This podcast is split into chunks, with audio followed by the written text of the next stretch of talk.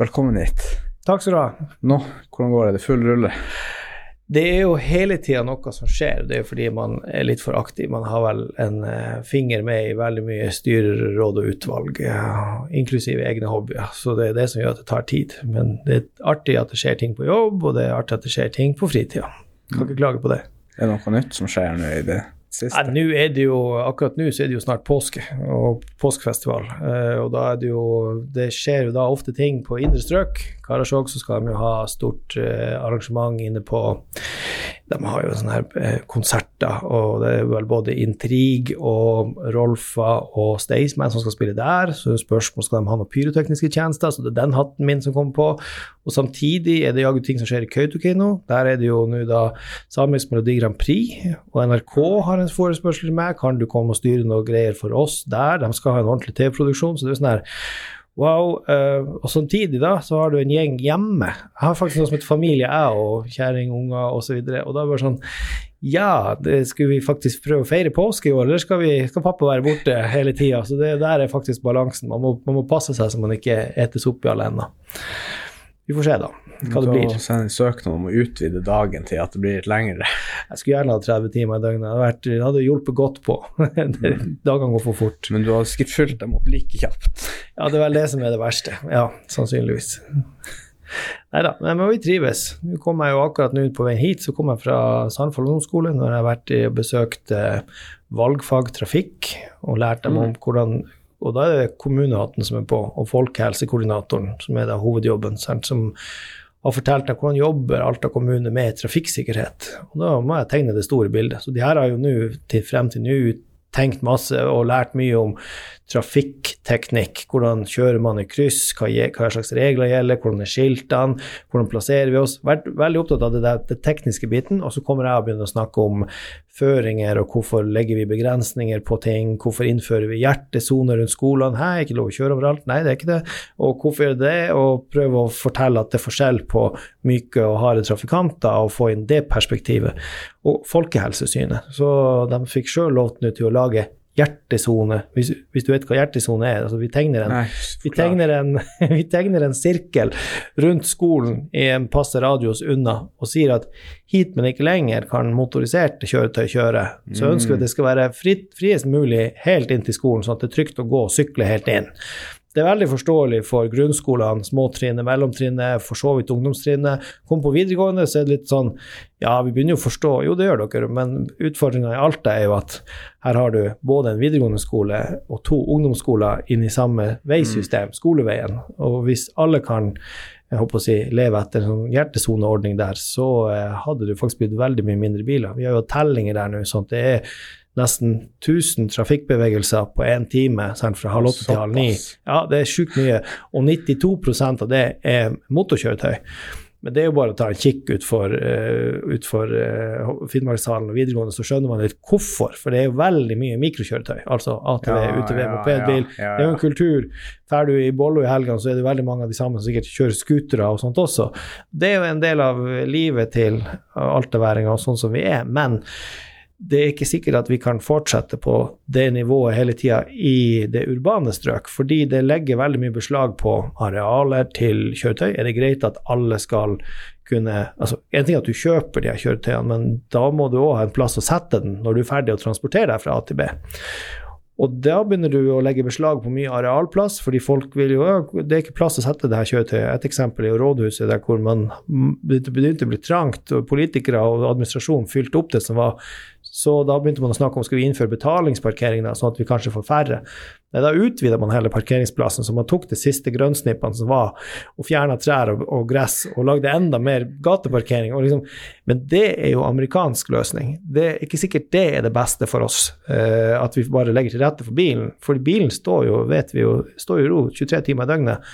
Men vi er ikke mot bil, men det er jo eh, er det den måten vi skal transportere oss på i det daglige. Så det med mobilitet eh, er jo mye av min, mitt arbeid, å, å fokusere på å belønne dem som sykler, går.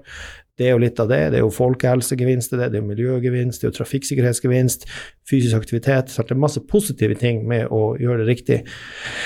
Men da må vi jo også vinne igjennom. Eh, og hvis det er klart, hvis du får det helt frivillig, at du kan velge skal jeg ta motorkjøretøy i dag? Det er jo behagelig å ta bilen, for den står jo der og venter på deg. Du kan skru den på, den hører på deg, hvordan musikk vil du høre på, skal jeg varmesette på til deg? Og så behagelig få deg frem, ikke sant. Men så kommer jeg da med sånn her tåteflaske ved siden av og eh, drikker vann og peser meg opp bakken. Jeg vet jeg får mer trim enn deg, men klart, jeg har jo anstrengt meg mer. Blir litt svett, det er litt mer ukomfortabelt. Eh, må jeg kanskje dusje når jeg kommer frem. Det er mye føss hvis du har brukt en, nå skal jeg overdrive og si en halvtime på å sparkle og ordne frisyren din før du drar på jobb, så er det ikke med alle som syns det er like artig å liksom bli litt sånn sliten og ta deg ut. Det er jo ikke trimøkt, jeg skal jo på jobb.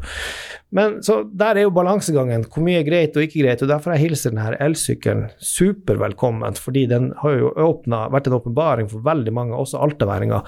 Så jeg ser jo til og med på rådhusene det er mange som kommer syklende med terreng, offroad, uh, altså med el.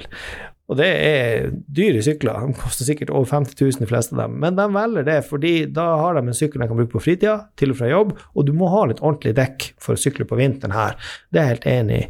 Um, du kommer deg ikke rundt med sånne tynne hybriddekk, du sklir alle veier på vinterstid. Og, men da får de nå Det er jo bevist at du sykler du på el, så eh, er det også eh, helse i det, også i hvert tråkk. Og de som har elsykkel, de sykler gjerne oftere og lengre enn de som har vanlig sykkel. Så de tar igjen det de får hjelp til av den hjelpemotoren.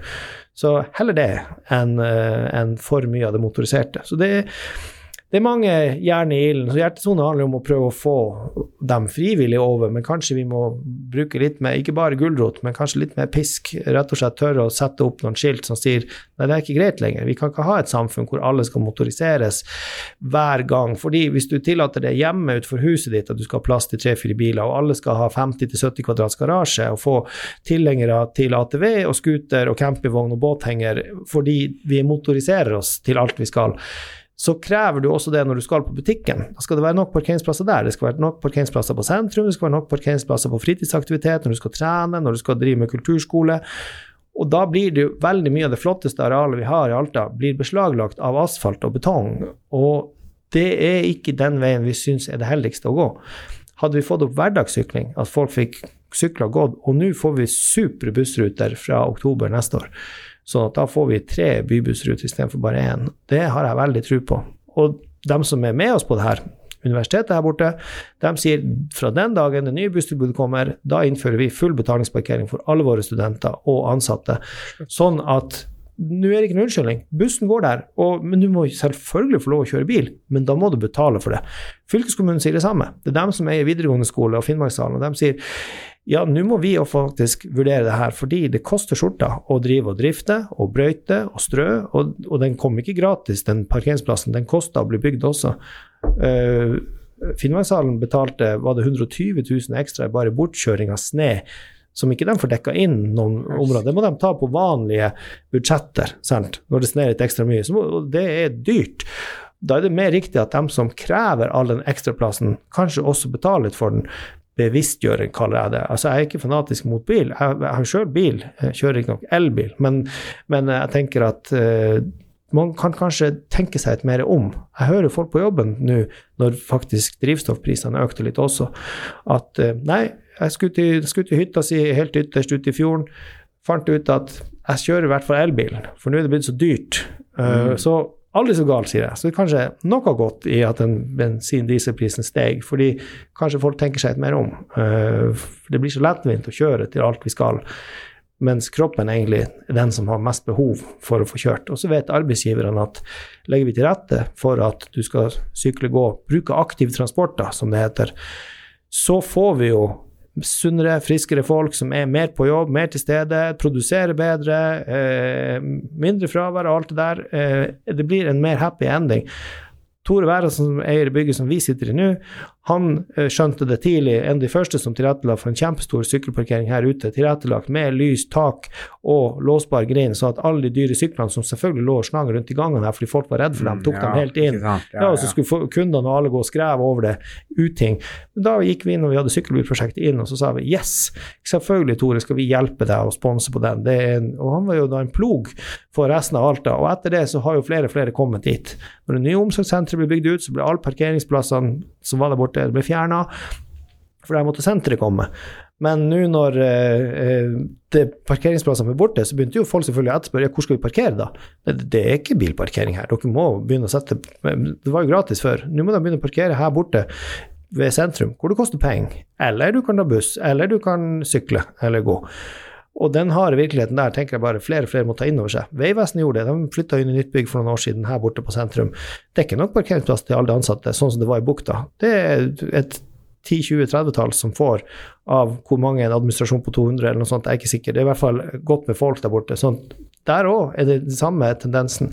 Og flere store byer gjør de store firmaene det samme. Sparebank1, If-forsikring, alle de andre. De henger på. Nei, vi legger ikke til rette for at folk skal ha bil nødvendigvis hit. Da må du i så fall betale. Det er slutt på gratisparkering for sine ansatte, fordi det er ikke det som gagner samfunnet. Så det handler jo om hvordan by vil du at Alta skal bli. Skal det bli som jeg eh, håper å si, de største amerikanske byene som blir eh, neddosa med bilparkeringsplasser? Alle som har vært der, de er nå på vei tilbake og prøver å få tilbake arealene til gående og syklende og sier vi må ha levende gater. Vi må ikke ha tomme, døde blikkbokser som stiller ut. Det lager ikke liv. Vi må ha gater, boder, utekafeer og gjerne med glassveranda, sånn at det funker her oppe i Alta også på vinterstid. Men er ikke det litt sånn de har gjort i Oslo nå, at det blir bare mindre og mindre biltrafikk inn i sentrum for de vil gjøre det litt grønnere og for at de fokuserer på folkehelsa?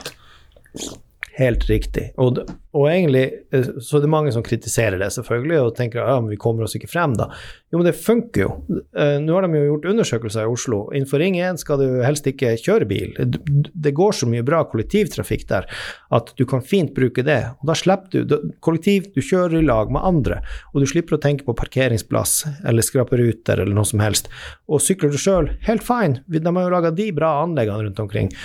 Og det er jo sånn, sånne skoleeksempler vi må ha. Vi trenger jo ikke å gjøre de samme feilene som Oslo gjorde, og først ha bilgater og parkeringsplasser, gateparkering overalt, før vi forstår at det er jo ikke noe bra for en byutvikling. Det er ikke det som gagner folk. Og vi trenger folk, for nå våkner samfunnsutviklingen i meg. For vi har jo altså er det, eh, det, er ganske mange tusen kvadrat, nærmere 100 000 kvadrat, som skal bygges ut i Alta de neste to-tre årene på alle de bedriftene som holder på.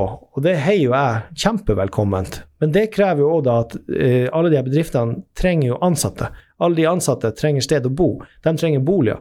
Og da kan ikke vi ha en politikk, da, om du vil, eh, som sier ja, vi skal kunne kjøre til alt vi skal og trenger, ja, da må det i så fall koste litt. For vi er nødt til å pushe folk over på de riktige valgene. Eh, ellers så blir halve sentrum snart parkeringshus og alt mulig. Det, det, er jo ikke den veien som er en bra by. Vi vil jo gjerne ha et livat sentrum med, hvor du trekkes mot sentrum, men ikke at det bare av parkerte biler er ikke det som tiltrekker deg. Så det er mange spennende baller i lufta på en gang.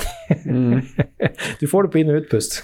Men hvordan er det for at hvis eh, for det, det motargumentet folk sier oftest i det der, er jo at det er så lange avstander i Alta mm. at det er liksom ikke noen annen mulighet enn å kjøre bil. Ja. Det, det får du høre det ofte når, man, når du snakker om at man skal ha det litt mer bilfritt. Ja, og det er klart, det er jo et argument. Eh, for hvis du bor i Talvik, Kviby, Rafsbotn, Eiby osv., så, videre, så må det jo være et alternativ som er godt nok. Men det er da det nye kollektivtilbudet da kommer, ja. som jeg tenker det er jo alternativet ditt. Og ok, den går ikke på hvert kvarter når du tenker deg nei, nå vil jeg til butikken. Uh, nei, det vil du ikke kunne da. Da må du velge bilen. Ja, men da må du betale prisen. Jeg tror at en dag så kommer vi inn med bomring og det, det type systemet der også i Alta, hvis vi skal ha veiutvikling som en gang tvinger seg frem. Så før siden, det er utopi å tro at det ikke skjer. Og en dag så setter både statsforvalter og fylkeskommune og Statens vegvesen foten og sier nå får dere ikke bygge mer, uten at denne veisystemet vårt kommer. Og det veisystemet kommer først når dere er med på å finansiere det gjennom bompenger. Det er det eneste systemet som funker i dag. Dessverre. Men um, aldri så galt. Det er veldig mye gang- og sykkelveisystem som kommer i denne avlastningsveien også. Flott, Det heter jo sykkelvei med fortau. Jeg er jo egentlig litt lei av at folk kaller det for gang- og sykkelvei. For gang- og sykkelvei er én løsning. Du har sykkelfelt, du har ren sykkelvei, du har ren gangvei. Så snakker vi hele tiden om gang-sykkelvei. Det er den mm. eneste løsninga.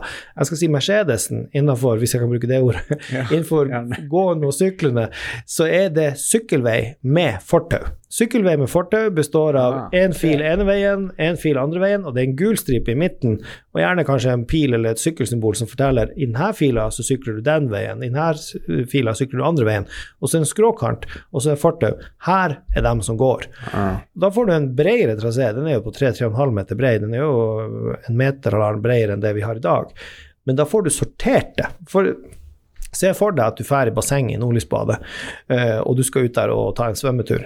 Da hadde du blitt litt frustrert hvis det både var en som skulle dykke i din bane, en som skulle leke, en som skulle padle kajakk, og, og en som skulle stupe, og så skal du svømme og trene. Ja, men vi kan jo ikke drive og mikse alle de her i min bane. Exactly my point. Du kan ikke drive og mikse for mange inn på gang- og sykkelveien heller. Du kan ikke si at alt annet enn bil skal være der. Syklene er en mellomting mellom bil og gående, og det er såpass mye trøkk i dem at de trenger sin egen trasé. Det kan godt være elsparkesykler og elsykler og sånt i den samme traseen. Spark, for den saks skyld. Og så kan de gående være for seg, fordi de er helt mykest. Og de har kanskje litt virrete unger, de kan kanskje ha en hund i barn, som plutselig finner ut den skal ut, krysse veien og lukte, og så, så plutselig får du liksom farlige situasjoner. Det er veldig greit at det er litt atskilt. Er denne løsninga innført noen plasser i Alta nå? Nei, vi har ikke den i Alta nå, men det er mange plasser som kvalifiserer til det. fordi at det er jo sånne normer som lages av Vegvesenet, eh, som sier når du har så og så mye trafikk gjennom en time, da det er mest trafikk der, så er det den løsningen som skal velges. Så hadde noen av de gangveiene vi har, gang- og sykkelveiene vi har i dag, skulle bygges i dag, så hadde vi jo kunnet kreve at ja, der skal det være sykkelvei med fortau, for det er såpass mye trafikk forbi der. Men for å si sånn, avlastningsveien, da, som er tenkt gjennom fra museet og følger på baksida av alle de boligstrøkene helt til sentrum, den skal følges av en sykkelvei med fortau hele veien. Så Ah. den er faktisk tenkt der. Så for min del, eh, og det er under Folkehelsekoordinatoren som, svarer, og Syklistenes Landsforening avdeling Alta, hadde, vi, hadde jeg sagt innfør den sykkelveien med fortau, men dropp den bilveien. La Ah. for guds skyld de bilene stå i kø, og så får vi den flotte løsninga for gående og syklende. Altså, Vi ser jo eksempel på det. Når vi bygde i det her prosjektet Sykkelbyen Alta, eh, fra Arones, så bygde vi en, vei, realiserte den opp til sentrum. Det er en avstikker her som går den bratte veien opp til universitetet, Ja. så det er en som går den her litt slakere veien opp ved den her eh, ja, men en kraftstasjon. i Riktig. Kommer opp bak det gamle vaskeriet der. Og hele det her er ca. 1,8 km. Eh, det er vel en av de første traseene som er bygd uten at den følger ved siden av en bilvei. Og det kommenterer folk. De kommer inn der og sier 'jøss, hvor stille det var her'. Hvor fredelig det var. Nei, nå hører jeg fuglene kvitre. Her kan jeg se ekorn løpe over veien. Her får du en helt annen opplevelse. Og barnehagene elsker den traseen. Fordi liksom, her er vi ikke redd for noe. De, de, de barnehagene som er i nærheten, de drar gjerne dit i området og aker i bakkene rundt og har tur osv. Og enda, når du bygger nytt, så skal det jo egentlig være universelt utforma. Det skal passe for dem som er si, funksjonsnedsettelser og sånne type ting. De bakkene opp, begge de to, både opp til trafoen og opp til universitetet, de er for bratt egentlig til å kalle seg universelt utforma. De er for, det er for høy stigning. Så skulle du fulgt alle kravene, så måtte vi jo lage sånn her sikksakkvei, sånn som du har oppe i Saga, sånn her frem og tilbake-opplegg for å komme deg opp. Men det hadde blitt altfor dyrt. Men da fant vi ut at ok, vi følger ikke helt eh, lovkravet her, men det gagner jo kanskje 92-95% av befolkninga. Det er noen som vil få, føle at det her er for tungt. Og likevel så gjorde vi det vi kunne. da. Vi satte opp benker og sånt underveis, at det er mulig å pause og slappe av.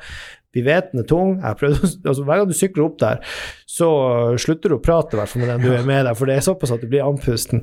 Men, Men det der, jeg har faktisk eh, Det der er den eneste turstien jeg har tilgjengelig. For jeg bor i Åsveien, så hvis jeg skal gå meg en tur, så går jeg faktisk ned hit til sentrum, så går jeg ned bak vaskeriet der, går jeg rundt Arnes og opp Holsbakken. Hvis Ja. jeg føler meg sporty, går jeg opp Halsbakken. Hvis jeg føler meg lat, så går jeg opp der til universitetet. ja, ja, ja. Til Ja, men lat, den er jo, den er jo skikkelig bratt, den er opp til UiT Ja, ja, da. ja, så det jo. Men du da, får jeg jo går jo også, da, så syk, sykler ikke i hvert fall.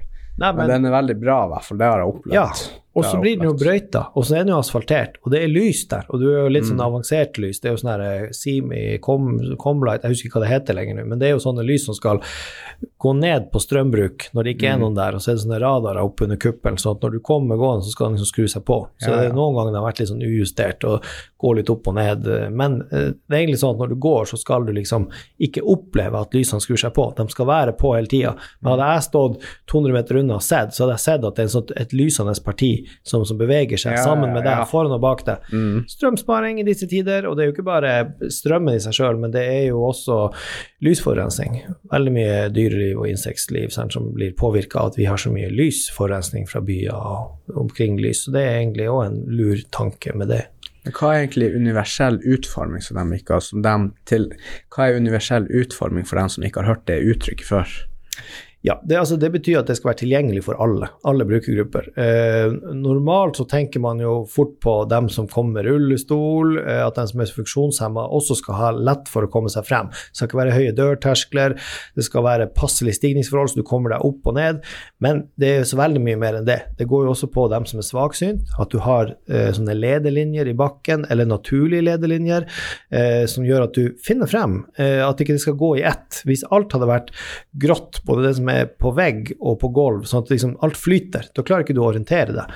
Men hvis man er flink på å bruke farger og kontraster, eller sånn som vi gjør på en del busstopp, vi lager sånne riller i bakken. Vi senker ned sånne her eh, i, i stål da, sånn med sånne riller, sånn sånn at de med f.eks. blindestokk kan gå og følge den bortover.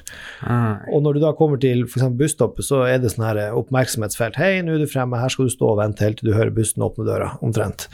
Så der er du for svaksynte, og så har du, du har jo tilrettelegginger for, eh, for hørselshemmede også. Du har jo sånne sløyfer der man setter inn i lokalene, sånn at når du snakker som kundebehandler, så har du kanskje en mikrofon som, gjør, som går deg inn på høreapparatet deres, og den virker, uten at du trenger å heve stemmen. Det er ikke en høyttaler som gjør at det runger mer i Ja, ja, lokalet, ja. men du kommer rett inn på øret deres.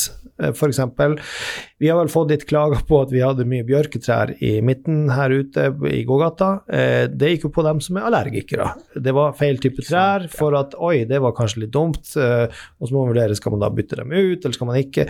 Så det, og så har du dem som, er, eh, som kan bli lettere eh, orienteringsramma, hva skal jeg si, litt sånn forvirra hvis det er veldig mye inntrykk, synsinntrykk, lydinntrykk, store haller med mye gjenklang. Du må også vurdere ting for dem. Så det er mange undergrupper innenfor det her med universell utforming, og mange du skal tekkes. Men normalt er det nok det her med bevegelse øh, og døve og synssvake som er dem man ofte tenker på. Fordelen er jo, hvis du tenker universell utforming hele tida fra start, så blir det jo lettere tilgjengelig for deg og meg òg, istedenfor bratte trapper. Og så lager du en sånn der rullestol en gang, men det er jo helt nydelig å gå opp og ned en sånn platt for meg og deg òg. Vi syns det her er supert. Støtterekkverk, sånn at det er for dem som er litt sånn, trenger noe å holde seg. Det er jo helt greit for vår del òg. Vi kan jo ha den en dag hvor vi har litt vondt i foten eller noe sånt, vi òg, eller gå på en krykke. Så det handler egentlig om å tilrettelegge litt mer, koster kanskje en nåt øh, ekstra her og der, men det trenger ikke å være dyrt. Men det handler om å bli planlagt og, øh, og tatt med i betraktning når ting planlegges. Når de nye busstilbudene som nå går, kom på plass, så fikk vi jo annonsering av holdeplassene inn i bussen. Det er et sånn universelt utformet Ja, tiltak. som liksom sier navnet, sier Ja. hvor de stopper og sånn. Bortsett fra bussjåfører som var møkklei med Ja. stemmen etter en stund, som sier Polhøyden, neste busstopp. ikke sant? Ja, Men det, that's, that's the price. Det, men det er, jo, det er jo for kundene at de skal vite å, nå kommer vi til mitt busstopp. Og så har du sånne skjermer på busstoppene som sier noe om når kommer neste buss. Det er ren informasjon, ja, men det er også universell utforming for dem som ikke håper å si Du, du kan i hvert fall lese når bussen kommer, og se det. Så det er mye rundt det her med orientering og den type ting. Det er bevisstgjøring, egentlig, det handler det om. For er det her noe som har kommet mye mer i de siste årene, mye sterkere fokus på? Det har jo vært, det er jo krav til det i de her eh, tech-forskriftene for bygg for lenge siden, men det handler om bevisstgjøringa og, og um, ikke bare tenke på den rullestolen. Gjør du det godt nok for en rullestol, så er det også godt nok for deg og meg når vi kommer med trillekofferten eller med barnevogna, eller når vi bare skal gå med en liten tass med oss eller noe sånt. Så du kan si ja, de siste årene, eh, 10-15 årene, har i vært fokus på det. I hvert fall så lenge som jeg har jobba i kommunen, da siden 2010, eh, har det vært fokus på det. Da hadde vi et eget kollektivprosjekt som bare handla om at nå skal vi oppgradere holdeplassene så de blir universelt utforma, stille mer krav til bussmateriellet, at de skal ha riktig gulvhøyde, at det skal, det skal være rullestolheis. Altså kommer du med rullestol, så skal du kunne bruke den heisen som kommer ut av bakdøra. Uh, så det var en del sånne type ting. Eh, og du må forstå at når du parkerer bussen, så må du faktisk stoppe der hvor den der linja kommer ut i bussdøra. Hvis ikke så står jo han med blindestokk midt på bussveggen og lurer hvor er døra her, hvor er døra? ikke sant? Det, det er noe sånne automatics. Men det kommer seg. Så lenge man er bevisst på det og, og prater om det, så, så, blir, så kommer det mer i fokus. Det er det som det egentlig handler om. Mm. Så at de bakkene er for bratt, det handler om dem som er, har ondest for å bevege seg. Men vi, det var jo universell utforming når vi kjørte det elsykkelprosjektet også, gjennom Sykkelbyen. Vi, eh, vi, valgte jo å få en sånn delfinansieringsløsning av det her eh, elsykkelprosjektet. Det vil si en sykkel som egentlig kosta 11 000-12 000, eh, kunne nå folk få tak i for 4000. Da samarbeida vi med Revmatikerforeninga. Revmatikerne de som har vondt i ledd og muskler osv. Vondt for å bevege seg, spesielt på vinteren. Det er enda tyngre å trø og tråkke hardt. En elsykkel, genial. Hjelper deg å få økt mobilitet. Så en tredjedel av syklene var forbeholdt den foreninga. Så hadde vi Astma- og allergiforeninga med, dem som er tungpusta, spesielt på vinteren, sliter med å trekke pusten godt nok ned, du blir litt andpusten når du sykler. Mens den tredje gruppa for elsykkel, ja, det var dem som ikke hadde noen skavanker. For det er jo litt viktig at den, altså, du skulle bare ha lyst til å sykle. Eh, Elsykkel må ikke bli de syke og svakes venn. Det er jo ikke det som er meninga. Det fremmer jo folkehelse, ikke sant? at folk er sunne og friske. Folk flest skulle ha tilgang til det. Og, og, og dem som bare syns at det er litt tungt å motivere seg, det kan bare sitte i vilja, ikke sant. Det er jo forebyggende. Absolutt. Og hvis du blir lokka utpå med at du vet at ja, men det er så lett å sykle nå Vi har jo en elsykkel på rådhuset, og kommunen kjøpte inn til flere av de kontorene rundt omkring som er i Markveien, på helsesenteret og andre. Når de skal rundt rundt på møter og sånn, du kan bruke elsykkelen istedenfor å begynne å rote med en eh, bil, eller hvordan skal du komme skal du ta taxi, kjøre egen bil?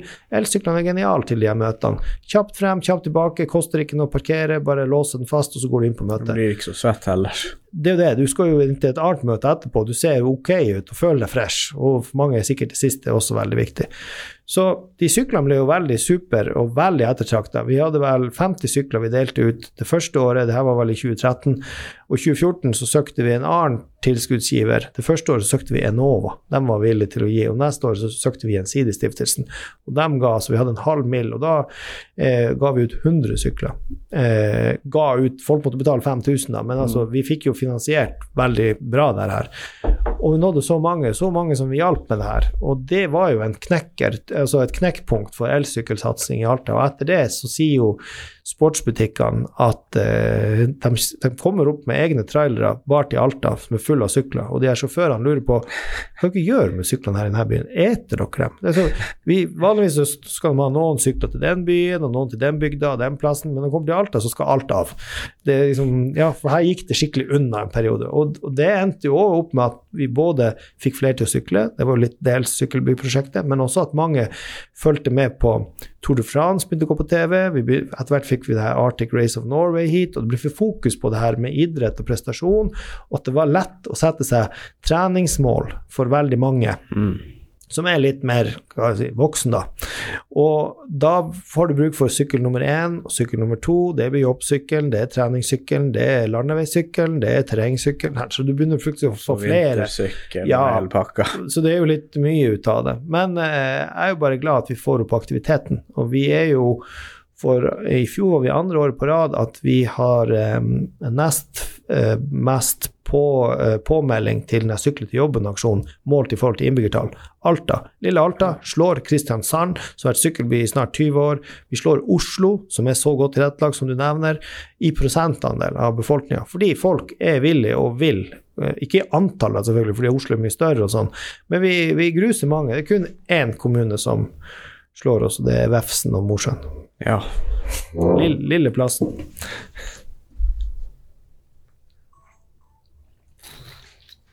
Er jo rått at det skjer så mye forskjellig. Eh, jeg husker jeg var jo og så på et foredrag du hadde her når du hadde for det her KS Agenda. Ja. Da var det sinnssykt mye der som jeg ikke hadde tenkt på engang, som, eh, som liksom kommunen jobber med. Så veldig mm. mye interessant, mye lærdom å hente ut fra. Og det er jo mye av det du har snakket om allerede. Ja, og det skyldes jo òg at, at, vi kan prate mye om de tingene. Det er jo at uh, hun Anna, som også satte Anna Utkilden, hun har vært veldig flink med kamera. Hun tar bilde av det, sånn som f.eks. park- og idrettsavdelinga gjør. Superlurt. Hvorfor ikke dokumentere litt? Og det hun gjorde ganske kjapt Nye generasjoner er veldig opptatt av å snappe litt bilder, legge på Instagram, legge på Facebook, det sosiale medier. Det er jo de tingene der som brukes mest. De to der, og så kommer jo Snapchat, som brukes litt mer av yngre. Men det er liksom de der tre som leder. Eh, og ungene er ikke så mye på Facebook, faktisk. Den er på vei ned blant yngre, yngre grupper. Og når de er opptatt av det her, så er det for å dele bilder av ting de gjør, og de liker jo at folk er og klikker og likeser og deler eh, tomler opp på de her tingene du holder på med. Og den der nye kulturen, og det er blitt så lettvint, for du har alltid kamera med deg i mobiltelefonen, sant? Mm. Eh, så gjør det også at det er enkelt å ta bilde av det du er ute på, og gjerne dokumentere. Og det smitter jo over på dem når de kommer inn på jobb og gjør det der òg. Og jeg sier perfekt. Eh, det hun begynte med, det var jo å ta bilder gjennom hele året. De har så mye forskjellig de gjør, og forskjellige plasser de styrer og legger til rette Ja, med benker. hva er det egentlig hun jobber med, da, for dem som ikke vet? hun er jo ingeniør på Park og idrett, og de er jo ansvarlig for alle barnehagene, som vi hadde var nærmere 80 av nesten i Alta. Følge dem opp, se at de er, virker det som både er inne i, i, av lekeplasser i barnehager, lekeplasser på skoler, offentlige lekeplasser og grendelekeplasser rundt omkring. Det er mange. Eh, sånne grusløkker og balløkker rundt omkring i Alta. Idrettsanlegg generelt, det som ikke da eies og drives spesielt av egne idrettslag. Uh, pluss uteområder turstier og benker og parker og byløyper. Sant? Du kan bare ramse opp badeplassene, uh, fiskeplasser. Der hvor det liksom er lagt til rette for eh, menneskelig aktivitet, spesielt på fritida. Og de tar seg av og planter altså Det er titusener av blomster de planter i drivhusene sine. De er sikkert i full gang nå. så Det er nesten sånn en gang per dag så må hun dit ned for å vanne. Det er helt rått. Ja, og det, alle de blomstene som, som vi ser, som er i gågatene, offentlige områder, og som er langs E6, i det rundkjøringen og alt mulig, det er Vegvesenet og alle leier den tjenesten fra Alta kommune. Og det er med på å gi er det ca. 45 ungdommer også sommerjobb hvert år. Ah. De deler i to, ikke sant? så får de jo lov til å hjelpe til med å både klippe gress, være med og plante. Veldig ettertrakta og sykt mye søkere hvert eneste år. Så øh, de gjør mye, i tillegg til å kjøre skispor og sånt også. Sant? Så de bidrar helt klart innenfor folkehelse. Men når de tar alle de bildene, og så begynte de da å lage sin egen årskavalkade til sin egen avdeling Se hvor flinke vi var det her året. Husker dere alt vi gjorde? Vi er ikke flinke nok til å klappe oss sjøl på skulderen og tenke over farken hvor bra det jeg gjorde der, og skryte av oss sjøl. Og det burde vi gjøre oftere, alle sammen. Og det hun gjorde med den der bildereportasjen, gjorde jo at hele avdelinga løfta seg. Alle ble sånn her varme om hjertet. Ja, fuck, stemmer jo. Vi holdt jo på å snekre og styre med gakor i badevann. Ja, det er jo ingen som har klagd på hvordan det har blitt der, med tilrettelagt klopping, søppeldunker og med den flytebrygga ute på vannet, stupeanordning og det tauet hvis du har vært der oppe. Men det er Ja, det har blitt sinnssykt bra. Ja. Men ikke sant, det, dere trenger jo ikke å skryte, dere trenger jo bare ta noen bilder og publisere det. Det er jo ikke skryting. Se, her har vi tatt og fiksa Gokrivannet. Mm. man å skryte, så ser jo folk resultatet sjøl og kan jo sjøl tenke seg ja, det her ble jo jævlig nice. Det er jo det som har skjedd. De har jo, eh, Når andre begynte å høre om den flotte bildekavalkaden de begynte med, så, begynte, så smitta det. Så begynte de andre avdelingene å gjøre det samme. Min egen avdeling likeså. Vi skal begynne å dokumentere litt bedre hva vi gjør. Jeg burde jo tatt bilde i dag når jeg var hos denne klassen, skoleklassen, bare for å Mm. vise at Ja, ja, det har vi vært med på, og minne oss sjøl på. For det er så masse sånne små oppdrag vi gjør som vi ønsker å gjøre andre gode med. Som liksom vi glemmer når året er gått. Men så kan man liksom da på nyåret eller på slutten av året ta en liten gjennomgang. Hei, husker dere alle de bildene vi gjorde? Så vi har en egen sånn der eh, mappe. Dette er 2022. Så skal alle legge litt inn der, og så er det ei eller to som setter seg ned og lager en, enten musikk eller et eller annet. Bare sånn helt enkelt i powerpoint eller noe sånt, men bare presenterer. Husker dere de her tingene? Og da får alle solt seg litt i den glansen. Eh, og det er en sånn der eh, Dægen, det var et bra år. Ja, skal vi se hva vi klarer å gjøre til neste år, liksom. Det kan jo mye være av de samme om områdene, men eh, det er lurt, tror jeg. Og når det da begynte å ryktes, de her eh, fotoshootene de hadde hatt eh, for andre, så begynte jo alle å se på den og bli klar over Oi, så mye bra dere faktisk gjør. For har gjerne mine favoritturer og de plassene jeg bruker å sogne til. Men jeg visste ikke at det var lagt til så mye til rette ved Storvannet ved Kvenvikmoen. Da ble jeg obs på det. Så dro jeg familien ut dit og fant ut jøss, det her var jo kjempefint. Her har ikke vi vært. Her er det båt og alt som eh, Kvenvik bygdelag eller Kåfjord som står bak og har lagt der. Den ah, ja. kan man låne. ikke sant? Sånn, er du blir jo mer bevisst på hvor bra vi faktisk har det, og hvor mange tilbud som finnes, når man faktisk ser på det. her. Så jeg er helt enig med deg. Alle burde gjort det samme. For å ja, skryte litt i seg sjøl, men også signalisere ut hva er det som faktisk finnes. For det er ufattelig mye bra i Alta, men vi må bare fortelle den historien høyt og ofte nok. Mm. Mm. Ja, det er fint å være, Man må jo være litt synlig, rett og slett, for å synliggjøre det man driver med. Ja, Og Det- får jo det befolkninga med seg også. Det handler om kommunikasjon, og fordi det er nok av de historiene sant, i media alt som preges av at vi krangler, vi diskuterer innad, innad eller eksternt med andre kommuner eller politikere spesielt. Og så kan vi heller minne oss litt på men hvor bra det er her. Som sagt i sted, vi har så, mange, så mye behov for nye folk som skal flytte dit for å få fylt opp alle de arbeidsplassene.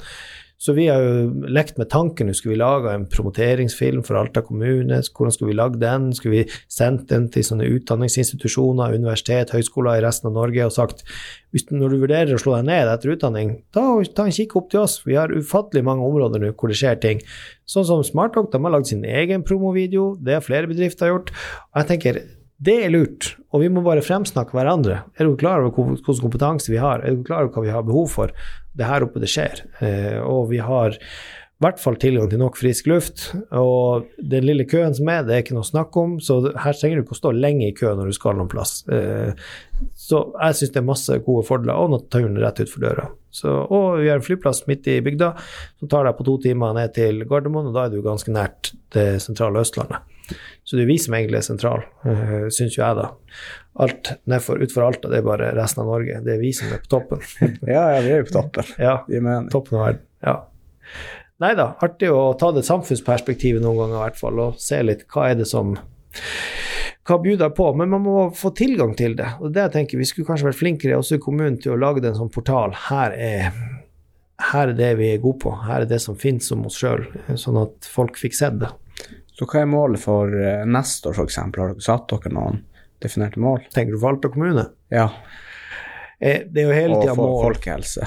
Folkehelse spesielt. Der skulle jeg egentlig i dag vært hos rådmannen sin ledergruppe. Det er jo da kommunallederne for, for helse, for avdeling for samfunnsutvikling, plan og teknisk og oppvekst osv. Og, og fortalt om status på tallene. Hvordan ligger Vi har jo noen fokusområder. Dette er de fem viktigste områdene våre som vi følger med nå i fire år. Hvordan ligger det an der? Og Noe går litt uh, dårlig, og noe går litt uh, bedre. Uh, og, gi en sånn, og hva er vår vurdering av det? Hva tenker vi i folkehelsegruppa er viktig å gjøre fremover? Nå er jo tallene litt prega av at det har vært covid, og da gjør det at mange ikke fikk møte vennene sine. Det økte jo da at du ble, følte deg mer ensom. Uønska mer ensom. Eh, Det gjorde noe med psykisk helse. Sannsynligvis gikk uhelsa litt opp. Men samtidig er det lyspunkt her. fordi innenfor psykisk helse så skiller vi litt på om det er en psykisk lidelse eller om det er en psykisk eh, symptom. Symptom kan jo være liksom hvis du er litt sånn engstelig eller litt sånn bekymra, eh, mens lidelsen er når du da har fått angst, eller beskrevet at du har en, eh, enten en angstlidelse eller en depresjon. Da er det, en, eh, da er det verre. Men å ha en, eh, et symptom trenger ikke å være farlig. Eh, og det avdelingene for psykisk helse sier, det at jo da, de, alt det her er målt på ut fra hvor mange som gikk til legen sin og lurte på jeg, har, jeg trenger hjelp med noe av det her. Ah, ja. Og, eh, og da har du jo gått over noen terskler eh, allerede. Du har oppsøkt helsesystemet. Så viser det at mange av de her kanskje ikke egentlig var syke, det var bare en del av livet. Det er normalt å ha kjærlighetssorg, det er normalt å være litt lei seg av og til. Du, ingen kan gå rundt og være smilende og være i hundre. Det er normalt å være innom hele følelsesspekteret uten at det skal være en sykdom. Men det har vært så mye fokus på det, psykisk helse. Så da er det noen som, spesielt unge, og kanskje også jenter, som tenker litt fort at Oi, nå har jeg fått en, en lidelse, en psykisk lidelse, jeg må få hjelp. Det her er ikke, jeg sliter sånn med de følelsene jeg er inni meg. Det du kanskje trenger, det er noen å prate med, og, og det er jo det viktigste. Del det her med noen, for da er jo min bestemor lærte meg altså har du, en, har du en glede, bør du dele med andre, for da blir den jo morsommere å bære, mens en sorg blir halvparten så tung å bære hvis du deler med andre. Og det var faktisk et sånn godt ordtak i det der. Og um, det tenker jeg er òg viktig. Så det sier i hvert fall uh, Avdeling for psykisk helse at det er ikke alle som er der, men vi ser at det som har økt de siste årene, da, det er symptomandelen. Lidelsene ligger omtrent på det samme. De som går til legen og får en diagnose og kanskje blir medisinert eller får behandling, mens de som med, altså Det kan også være et sykdomstegn. Vi skal være obs på det. Betyr det at flere og flere er på vei det er dem som kan komme inn i en lidelse. Og eh, en fjerdedel av befolkningen kommer innom det her i løpet av å si, uh, få år. Sånn at det angår veldig mange, det her med psykisk helse. Og det er bra at det blir satt fokus på det. Men den øker såpass mye i Alta i forhold til andre plasser at vi, ja, vi følger ekstra med. Og vi tror at det her med covid har spilt inn, i og med at du ikke da fikk sosialisere så mye, for det er den, en av de beste metodene for å forebygge det. At du er med venner, at du driver med en meningsfull aktivitet. Derfor vil vi at folk skal komme seg ut av rommene sine, legge vekk skjerm og treffe fysiske folk. Oppsøk sosiale møteplasser. Det kan godt være en pub, men det kan også være biblioteket. Det kan være Nordlysbadet. ikke sant? Men du må gjerne Treningssenter, f.eks. Treningssenter er helt glimrende. Eller en klubbforening som driver med noe som du liker. Om det er soppplukkerforening, eller om det er eh, hva på å si, dykkerklubb, isbading, eller et, et idrettslag. Helt greit. Kor, sang, musikk, whatever. Men så veldig bra at du finner noen andre. Og jeg ser jo det sjøl, på jobb så er jo det blitt jobbfamilien, har jeg begynt å kalle det. Mine kollegaer, 16 eh, stykk. Det blir en veldig viktig del av mitt liv. Man deler jo, man uh, er jo omgås veldig mye i lag, uh, deler historier og en del av livet. Sånn at det er jo Du får jo played mye det sosiale behovet ditt med kollegaene dine også, så det skal man heller ikke mm. kimse av. Så alle som vil lage noe I år så er det jo Eh, fokus på frivillighetens år. Eh, og den skal enda markeres i Alta 24. mai. Og da blir det litt trøkk. Så da skal vi invitere alle frivillige lag og foreninger til å komme og vise seg frem. Så hei, hva finnes faktisk tirsdag 24. mai? Og da slår vi det sammen med en sånn herre generasjonsleker. Hvor blir det holdt det her? Ja, Det blir et opplegg fordi Syklistforeninga i Norge fyller også 75 år, og vi feirer det samme dagen. Så det blir faktisk en sykkelkortesje helt fra Latari. Mm. Der starter det da, og der er jo sponsorer inne her i bildet. Så der kommer Joker og deler ut snacks og tursnacks og alt mulig, om det er epler og nøtter og drikke og alt mulig. Og så stiller vi opp seks her, eller åtte sånne her rickshaw. Det er jo sånn her elsykkel eh, med sånn vogn foran med plass til to voksne foran. Det kan være to eldre eller to godt voksne seniorer, for den saks skyld. Men de skal da bli transportert der, pluss vi håper jo å få invitert både skoler og andre med til å være med på dagtid. Sykle fra Ratari, og så sykle går turen da helt til Altagårdshagen. Og det er jo da gamle Elvebakken sykehjem eh, heter nå Altagårdshagen. Og det er jo en Nå blir det sånn en, kall en demensavdeling. Der skal det være generasjonsleker. Eh, og generasjonsleker er en, den andre markeringa. Så der skal det være da, eh, aktivitet på tvers av alder. Godt voksne sammen med dem som er yngre, kanskje både på lag og mot hverandre. Så ulike leker og oppgaver. Og det er jo da der er noen vafler og kaker og saft og sånt. Og så går kortesjen videre derfra opp til Alta videregående. Og på videregående så skal eh, videregående skole vise seg fra den beste side. Jeg tror det blir noe sånn her at frisørlinja tilbyr gratis klipp. Du skal være der maks en times tid, litt over. Eh, restaurant- og matfag. Eh, de skal servere litt sånn her eh, god mat, kanskje sjømatinspirerte ting. Så for de fikk jo heller ikke nå i år pga. Borealis ble avlyst. Fikk ikke vist seg frem som de bruker å gjøre, men nå kanskje vi kan ta det igjen der borte. Og for ikke å snakke om TIFF, det er jo da eh, teknisk eh, Hva det står for igjen? Altså det som før het mekaniske fag. Det er sånn at TIP før. Ja. Nå heter det TIFF, da. Men det er jo, det er jo dem som eh, går mekanisk, teknisk eh, utdanning. Eh, jeg tror det er to klasser det er snakk om. Så vi prøver nå Vi skal få dem opplært av eh, de her sports, sportsbutikkene sine sykkelmekanikere. De som mm. kommer dit to dager forhånd, på forhånd og lærer opp de karene her, for dem er damene og jentene, holdt jeg på å si, damene og herrene som går på de klassene, de er jo veldig gode på å skru på kjøretøy, for det er det de lærer. Men det er ikke så mange som har fokusert på det å skru på sykkel. Det trengs av og til, det òg. Så de skal få opp kompetansen på dem på to sånne runder, og den tredje gangen da så kommer det der toget. Da er det plutselig 30-40 elever som kan gjøre gratis sykkelservice til hele det toget som kommer. De som trenger ah. å få justert litt gir, bremser, smurt litt kjeder, oljer, i det hele tatt. Så det blir jo en veldig vinn-vinn for alle. Eh, elevene får en super ny kompetanse som de ikke hadde hatt automatisk med seg. Eh, alle som deltar på denne sykkeldagen, får jo oppleve den gratis servicen. Og sportsbutikkene har nå også noe igjen for det, fordi de har jo nå plutselig tilgang til ekstrahjelp som de kan få tak i gjennom elevene. Ja, ja, ja. De kan jo da plutselig, ja, og det er jo høysesong for dem. Sant? Klargjøring av sykler til nye eiere, hjelpe dem å skru på det her når det er sommer. Kan de jo stikke inn der og faktisk ta litt ekstra timer og tjene litt penger både på ettermiddag og helg. Så det blir veldig bra. Så det er det som skjer der borte på videregående. Og så går det tog da til slutt helt hit ned til sentrum eh, og på torget, og der håper vi liksom Der skal de siste foreningene og alle være. Vi prøver å få til noe samarbeidsopplegg med Skoda er med det her, eh, og det samme er Tine, meierier. Og så får vi se hvem andre som stiller opp. Cermaq har sagt de skal støtte oss i det her, så vi er jo veldig happy at vi får ja, så Vi ønsker jo å vise mangfoldet i Alta. Hva er mulig å finne på her? Eh, og jeg håper de fleste får med seg at det er nye ting de ikke var klar over, men ikke minst at de som de allerede visste om, kanskje gjør mye flere og andre aktiviteter enn det de kjente til fra tidligere.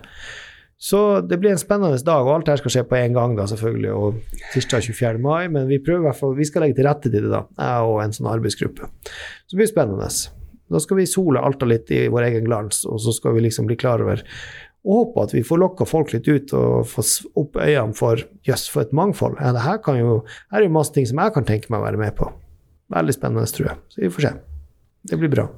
Men eh, hvis du skulle gitt et tips til deg sjøl som 20-åring med all den kunnskapen du har i dag, hva ville det vært? Hmm. Det var jo interessant. Når jeg var 20 år Ja, sykkel har jo liksom hele tida vært en sånn der veldig praktisk greie, så den vil jeg jo øh, sikkert tipse om å bare fortsette med den syklinga. Det er veldig smart. Stå på med det. Kanskje følge drømmene i større grad. Man har jo skjønt det mer og mer når man blir voksen, at det er fullt mulig eh, å drømme om ting, ha visjoner om ting, men du må også ha litt gjennomføringsevne til å stå og løpe ut fra å ha en plan og en tanke til å faktisk gjøre det, få det til. Eh, og der er sikkert en del ting som har stoppa opp. Man har fort tenkt at nei, det her er ikke noe vits, eller det her er ingen som tror på meg, osv. Jeg var, hørte på hun Anja hva heter hun? Eh, håndballspiller Ja. Herin, var det? Nei, Hun som var på næringslivsdagen. ja, og så var hun dagen før da og prata borte på Bullhuset. Og handla om sa det, det handler om fokus. Og det handler om å ikke høre på de stemmene inni hodet ditt som snakker deg ned, ofte som sier at du er ikke god nok, du, det her får du ikke til, det her kan du glemme, det her blir Og så liksom rett og slett Ja, men nå må vi gønne på. Det her går fint. Hva, eh, vet ikke du egentlig at det her er du god på? Det her kan du jo. Det, det her har du gjort mange ganger før. Og, og hva er det verste som kan skje? Still deg sjøl litt de kontrollerende, positive spørsmålene. Eh, og da er det nok altså, det handler vel, Når du er 20 år uh, ja, Selvtilliten er sikkert begynt å komme, men i årene før så er du sikkert i den fasen hvor du er litt usikker og du skal utvikle deg og alt det der. der. Så jeg tenker få pusha selvtilliten litt mer på plass. Uh, det hadde nok sikkert vært på sin, helt på sin rette grein. Jeg var sikkert i Forsvaret da. Jeg tror jeg trivdes godt i 20-årene. så Bra å ta utdanning, fant jeg òg ut etter en stund. Ikke bare gå rett på jobb. Eh, få med deg god nok skolering, så du finner et fagområde eller et emne, temaområde som du syns er spennende og interessant, og følg det. Ikke hør på bare mor og far din. Ta og Følg det som du får interesse for. For da er veien kortere. Hvis du trives med det du studerer og det du holder på med, så er det lettere at du tilegner deg også ny kunnskap innenfor det området. Så det tenker jeg kunne vært Jeg kunne godt begynt med fyrverkeri mye før. Sånn jeg fikk sagt det til meg sjøl. Ikke begynn når du er slutten av 30-årene, liksom begynnelsen av 40. Bare start mye tidligere. Det går helt fint. Det hadde sikkert også vært gøy. Ja, for den som ikke vet, så sprenger du jo opp ting på fritida. Prøver det så godt man kan. Ja. Ja, spreng og spreng. Men det er, jo, det er jo mest sånn allmenn forlystelse, da. Det er jo den type ting. Jo, I morgen skal jeg faktisk til eh, Vadsø. Feire 135-årsdagen til tre kusiner. Til sammen blir de 135. Og da har de selvfølgelig bestilt at du, du er jo eneste pyrotekniker i Finnmark. Kan ikke du ta med deg litt sånn gøy? Og vi har søkt og styrt og greier og fått lov, og ja, visst gjør vi det. Så vi tar med oss litt tungt kaliber dit bort. Det er ikke hverdags der borte å få sett litt sånne ekstra store ting. De er jo vant med nyttårsaften, men det er jo noe annet. Så fyrverkeri og pyroteknikk er jo en gøyal greie. Mest på hobby og drives ved siden av, men det er, det er jo artig å holde på med. Eh, og man gjør det jo bare fordi det meste er fordi det er gøy. Ja, for det er du som har den sagaoppskytinga som er hver nyttårsaften. Ja, da er det vi som leies inn av Saga Grendelag. Vi, sier jeg jo, men det er jo liksom Pyrovik, firmaet, da. Ja, ja. Så det er jo noe som vi gleder oss Det er jo en høydere hvert år. Det er jo liksom en fantastisk fin avslutning på et år, å liksom få lov å gjøre det klokka åtte. Men hvordan må du ha noen sånne sertifiseringer for å kunne ha så mye sprengstoff, eller er det bare å kjøpe inn og tute og kjøre? Det er bare tute og kjør. Nei da, det er jo Selvfølgelig må du ha Altså hvis du skal lagre det i tillegg, for det er to forskjellige spørsmål. Du må ha, du må ha sertifikater for å få lov til å fyre det av og sette det opp og vite hvordan det her Det er jo krefter i det her òg, men det er ikke som dynamitt. Det skal se og høres finere og bedre ut enn eh, dynamitt og den type ting. Sprengstoff er jo ting som skal rive opp, destruere masser og fjell spesielt. Mens uh, det her skal jo være visuelt flott uh, å se på, med gnistfontener, og det er andre typer produkter, da.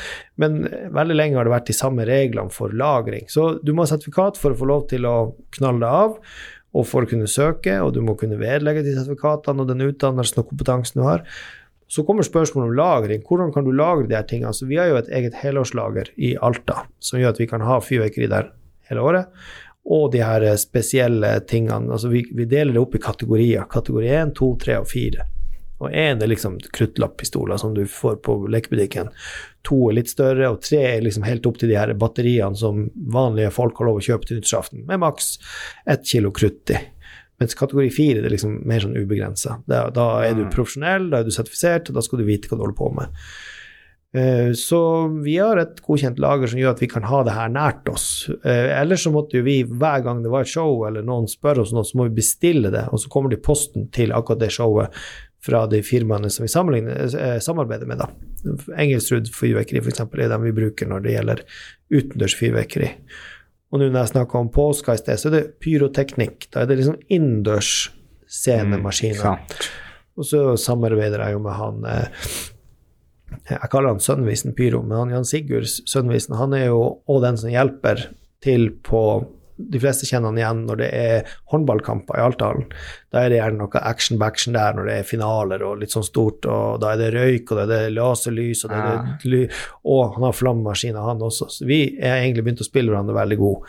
Samarbeider i lag og veldig artig type. Og det er jo gøy å, være et lite, kalle det et lite fagmiljø på de her tingene. Så han driver faktisk og sertifiserer seg i neste uke. Eh, så da, har motivert han til å ta det her sertifikatene, for da er han også godkjent til å kunne styre med både krutt og alt mulig. Og vi i samarbeidet skal vi kjøpe inn i lag nye typer maskiner, for det er jo artig å kunne tilby litt variasjoner. Sant? Vi, har, vi har jo flammemaskiner som buffer og styrer flammestråler alle veier.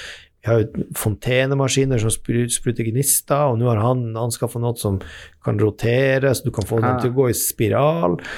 Og så driver jeg og vurderer på skal jeg ha flammemaskiner som kan skyte i vinkler og liksom flytte på seg i full fart sånn alle veier. Uh, ja, uh, røyk finnes det mye forskjellig. Vi kaller det jo CO2. Det er jo da hvit røyk som kommer ut, skytes ut. Det er mye sånn typisk sånn DJ og sånt som vil ha litt trøkk på det. Konfetti, masse forskjellige varianter. Uh, både småbiter og sånne lange streamere som ser ut som gavebåndene du har rundt julegavene, som bare mm. fyker ut. Det er jo sånn typisk sånn høydere. Men nå sist, når vi hadde Northkid på Alta Live, så hadde vi egen såpeboblemaskin som fyltes med røyk, alle såpeboblene. Så det ble en sånn fin stemning. Alt må ikke være hardrock, ikke sant. Da skjønner man flammer og sånt, det passer når det er trøkk i musikken. Mm. Men du må kunne ha noe når det er rolig parti. Når det er noe eh, å si, akustisk eller et, eh, en ballade. Og da kan det være en, en, greie. Eller sånne fine fontener som bare står og brenner pent. Eh, det, det, er veldig mye forskjellig å, å, å styre med. Spesialeffekter kalles det jo egentlig.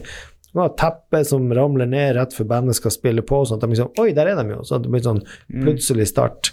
Så det er nesten ubegrensa. Nå hjalp vi til. Her er Alta ungdomsskole så um, har de en, et valgfag som heter sal og scene. De hadde juleavslutning nå sist. Så jeg hadde en datter som har gått der tidligere, hun går på videregående nå, men så prata jeg litt med læreren. Vi prata selvfølgelig om sykkelstier, og så kom vi inn på det her med sal og scene, og så sier jeg dere har jo Elevene deres de går jo der for å eh, Sal og scene handler jo om enten så skal du da til jul og til sommeren fremføre, enten synge eller være en artist, altså danse eller et eller annet sånt. Men det er like viktig å ha elever som vil ta rollen som lysteknikere, lydteknikere, scenearbeidere. Og da spurte jeg ja, pyroteknikere, da, har dere tenkt på det? Nei, det var jo ikke Er det du, det? spurte han. Ja, det er meg. Og så, det, var, så det var første gang vi kjørte det nå. Så når de hadde julesanger, så hadde vi ja, Da fikk jeg ei pia som jeg lærte opp da, litt grann på knapper og diverse, og sto og fulgte med. Så det er dem sjøl som skal gjøre for seg sjøl. Det er ikke vi voksne som skal ta over. Men da, for, for, hun strålte jo godt når hun fikk lov til å kjøre snekanoner opp i taket. Ja, ja, så lagde sne når de, som dalte ned når de sang de julesangene, og folk i salen var med. Og så fikk hun kjøre litt flammer og sånt på, på de her eh, kule actionnumrene og de sangene som var det, Og det visste jo ikke folk at kom, så de ble jo helt henrykt og bare wow, det var jo hyl og rop i salen. De syntes det var kjempesvært. Og det er jo ikke et oppdrag som man tar eh, noe særlig betalt for. Det her er jo ting, Jeg syns det er artig å bare gjøre folk gode på de der tingene. Ja, ja, Det der er frivillig, og det er sånn som man bare gjør for at det er skøy. For ja, man får, noe, man får jo noe ut av det. Man får jo en god følelse, ikke sant. Absolutt. Hjelpe andre. Det er jo det som er egentlig viktig med alt når det gjelder det med pyroteknisk og sånn, det er jo om å gjøre å løfte artisten eller bandet opp. Eh, Det er ikke, det er ikke effekten i seg sjøl som er viktig, men det er det å få, en, få den berømte prikken over i-en. Ja, Så ja, Så det blir en bedre opplevelse for eh, publikum og alle, og artisten sjøl. De lever mer inn i det. Mm. Det er jo det som er artig. ja. Men det er jo rått, det der. Du driver med, og- med litt pyro og litt sånn her fyrverkeri. Det, det er kult. Jeg har sjøl vært fotografert faktisk en av de showene dine for, for noen år tilbake på Saga der. Akkurat, Altså i ja. 2018 eller 2019, så det var veldig Mm. kult. Men jeg vil egentlig bare ønske deg lykke til videre, da, i, både i din daglige jobb og i din sidejobb. Så får jeg håpe du sprenger noe mer opp her i nærmest fremtid. Takk i like måte. Jo da, vi skal satse på det. Vi stiller opp der vi kan når folk spør om det. Så det, det skal nok gå bra. Knall. Ha det bra, alle sammen.